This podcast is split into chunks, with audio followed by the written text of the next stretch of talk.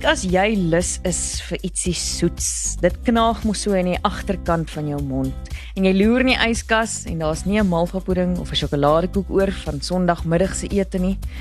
En jy gaan na die spens toe en jy maak die laaste laai oop en daar lê 'n verlore blikkie kondensmelk. Dan is jy 'n baie gelukkige persoon as jy 'n normale Suid-Afrikaner is. Nie as jy Gerard van Huisteen is nie, want die eet mos nie soet nie. Maar die punt is, daai blikkie stoutigheid het maar 'n sagte plekkie in meeste van ons se kultuurharte. Kom ons vind uit waar kom kondensmelk vandaan? Hoe nou? Met Suan Miller Maree en Gerard van Huisteen. Hoe nou word moontlik gemaak deur afrikaans.com. Jou tuiste vir alles oor Afrikaans. Nou my ma is byvoorbeeld een van daai mense wat altyd 'n blikkie kondensmelk in die spenskas gehou het vir noodgevalle. Maar Gerard, ek weet nou nie of jy dit enigsins geken het nie, want ek weet jy eet mos nou nie meer soet goed nie, maar het jy dalk as kind Oh, kondensmelk geneem? Natuurlik geneem. uh en ek moet jou sê die enigste plek waar ek eintlik nog kondensmelk mis Ja. is in my ma se aartappelslaai. Ooh, jy weet dis net 'n sekere tipe mens wat kondensmelk in 'n aartappel slaai het, nê? Nee. Maar toe maar ek judge nie want ek het dit self al geproe en dit is nie sleg nie. Maar die sout moet dit mooi aan uitbalanseer. Jy kan nie die hele blik ingooi nie, nê? Nee, mens kan graag die hele blik wat mens maak mos 'n aartappelslaai by die kilogram aan. Jy maak nie vir hom aan net in klein hoef Okay, goed nou terwyl ons dan nou op die kompeterende voet is, wat van twee blikke gekookte kondensmelk vir pouse kos? Nee, die kan. Maar kyk wat daarom regtig kommen is, is gekookte kondensmelk vir 'n sjokoladekoek versiersel. dit kan hom glad nie, né? Dis net lui kokke wat dit doen. Nou vertel ons bietjie, waar kom die bron van al hierdie verskillende variëteite van kondensmelk wat kondensmelk is vandaan? Nou goed, kom ons gaan vat die storie ver terug na waar die woord melk vandaan kom ja. en Ja. waar melk vandaan kom, né? Dis meer as 6000 jaar gelede daar in die proto-indo-europeërs waaroor ons nou al baie klomp keer gepraat het. Daar kry ons al die woord nou ek gaan dit probeer sê melk. melk. Dis nou toe die ou hulle nog probeer melk drink het aan die speen van die Daai, koe. Dan soos hierdie swaai lekker. nou uh, nou kan jy vir jouself dink in hierdie primitiewe kulture en so aan, was dit natuurlik nie 'n baie higiëniese storie gewees nie.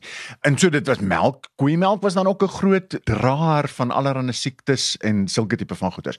Ja, want in So- daai dae was dit nie gehomogeniseer en gepasteuriseer nie, né? Absoluut, absoluut, absoluut, nê. Nee.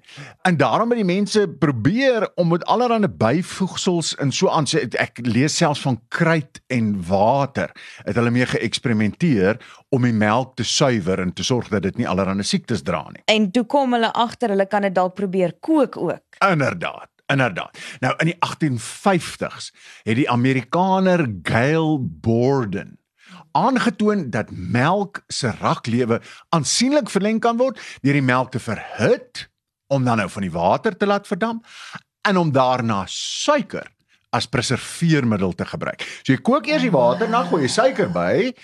Nou ja, en dan kan jy die in 'n blikkie sit of in 'n kan sit of in whatever sit en dan kan jy die melk langer bewaar. Nou, die gebroeders George en Charles Page het toe in 1866 die Anglo-Swiss Condensed Milk Company in Ja. Switserland opgerig want hulle het gereken die Europeërs kan baat by hierdie wonderlike Amerikaanse uitvinding. En nou so, aan dit was eintlik oornag 'n reuse sukses gewees veral omdat die blikkies met gepreserveerde melk vir soldate gegee kon word op die front nê nee, die Britte was veral mal daaroor want hulle kon hierdie melk uitvoer na al hulle kolonies toe hulle was mos so lief vir tee drink nê nee. mm. so jy moet daar dan melk met die tee so hulle kon al hierdie blikkies kondensmelk kon hulle dan uitvoer na hulle kolonies toe Maar wag nou 'n bietjie. Die beste koshuis op die pik. Het hierdie Anglo-Swiss Condensed Milk Company nie later byvoorbeeld die company Nestlé geword nie. Man, jy klink vir my na 'n baie ingeligte meisie. so in die 1960, en daar toe nou ook toe die gebroeders nou daar in Switserland hulle fabriekie opsit, Toe kom daar een of ander Duitser met die naam Henry Nestle. Kom toe ook Switserland toe en hy maak toe 'n baie bekende kosreeks vir babas.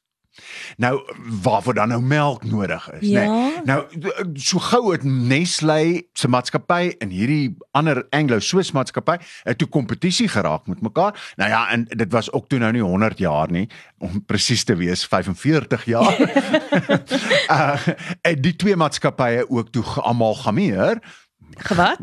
gemerge, nee. Het dis nou nadat hulle die melk geamalgameer het. Toe toe doen hulle dit sommer met die naam ook want dit is lekker. die uh, die twee companies, hulle het gemerge, nee, die Wow. twee maatskappye het geamalgameer. en toe bly hulle by die naam Nestle.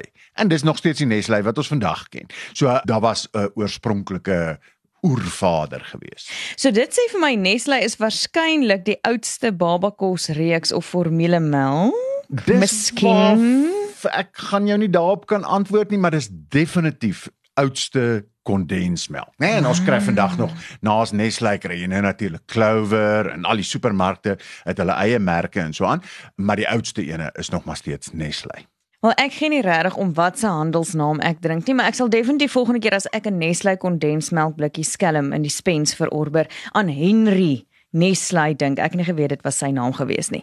Nou dinge raak nou so vurig. Na die breek is ons kondensmelk gekook. So bly ingeskakel. Afrikaans is so lekker soos koeksisters braaibroodjies en kondensmelk koffie. Dit is jou taal. Dit is wie jy is en hoe jy leef. Daarom nooi ons jou. Kom skryf saam aan die toekoms van Afrikaans. Vir gratis leerhulp, taalnuus, vermaak, speletjies en meer. Besoek www.afrikaans.com en volg ons op sosiale media. Koop dit, lees dit, praat dit, leef dit. afrikaans.com. Jou tuiste vir alles oor Afrikaans. Jy luister na Hoe nou met Gerard en Swan en Swan en Swan.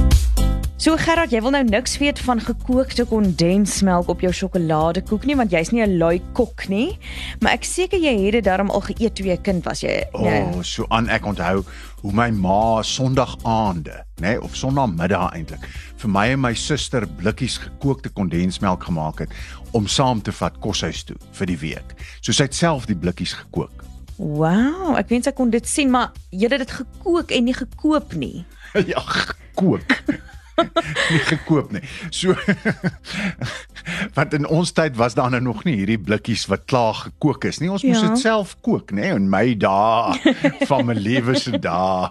Toe maar ek het daarom ook al kondensmelk gekook, maar dit was net vir 'n eksperiment om te sien Nee, nee, ek nee. kan ook doen wat die winkels doen, jy weet. Nee nee nee, hierdie was Magic. gewone praktyk geweest. So uh, as jy nie weet nie, jy vat 'n pot en dan maak jy hom vol water, maar dit is ontsettend belangrik dat wanneer jy die blikkies kondensmelk dan daarin sit, dat die blikkies ten minste so met 5 cm water bedek moet wees. En dan begin jy die water warm maak. So jy moenie met warm water begin nie. Ja. Dan maak jy die water warm en net sodra daai water kook, dan draai jy hom af die temperatuur Mhm. sodat die stoof dan nou daar staan en pruttel vir 2 en 'n half uur lank ten Jo. minste om 'n ordentlike gekookte kondensmelk te kry.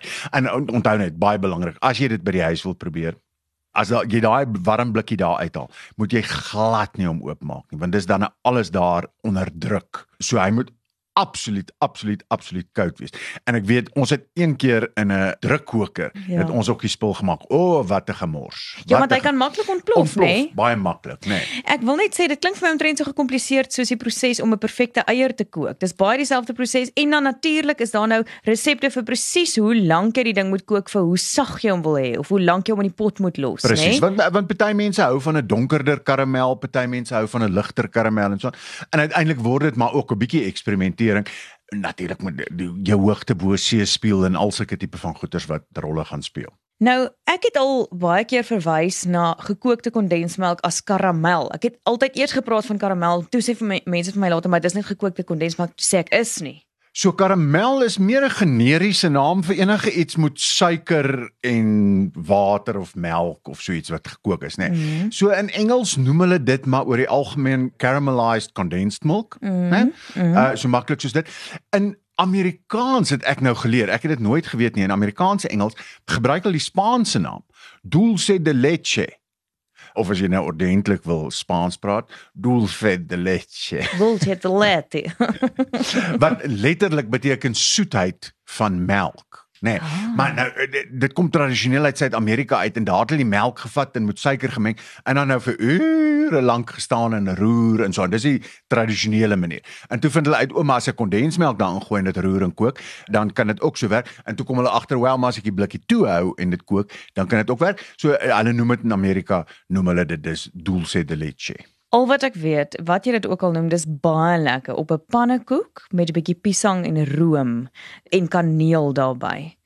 Maar wat ons definitief ook kan sê is dat die mense voor 18 wanneer het hulle die kondensmelk ontdek? Ja, in die 1850s. 1850s. Ja. Voor dit die arme siele wat nog nie kondensmelk geken het nie en die wonderlike hoe gelukkig is die Britse weermag wat die kondensmelk in hulle tee kon drink na die 1850s. En dan wat jy gesê het 1850s, tyd vir luisteraars terugvoer.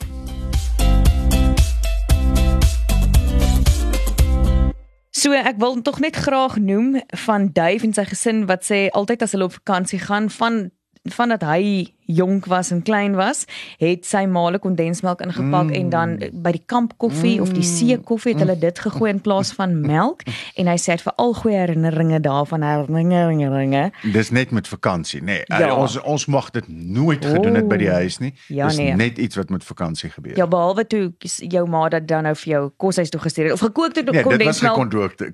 Dit was gekondookte onmensmelk, onmenslike melk. dan mag dit. Presies. Nou ja, dit is alwaar ons vandag tyd het. Dankie dat almal saam geluister het. Onthou as jy wil saamgesels info@huno.co.za en gaan gerus na afrikaans.com of Marula Media om na al ons ander episode te luister. Tata. Doodles. Who know is saamgestel en aangebied deur Suan Miller Maree en Gerard van Huisteen en word moontlik gemaak met die tegniese ondersteuning van Marula Media en die finansiële ondersteuning van afrikaans.com jou tuiste vir alles oor Afrikaans.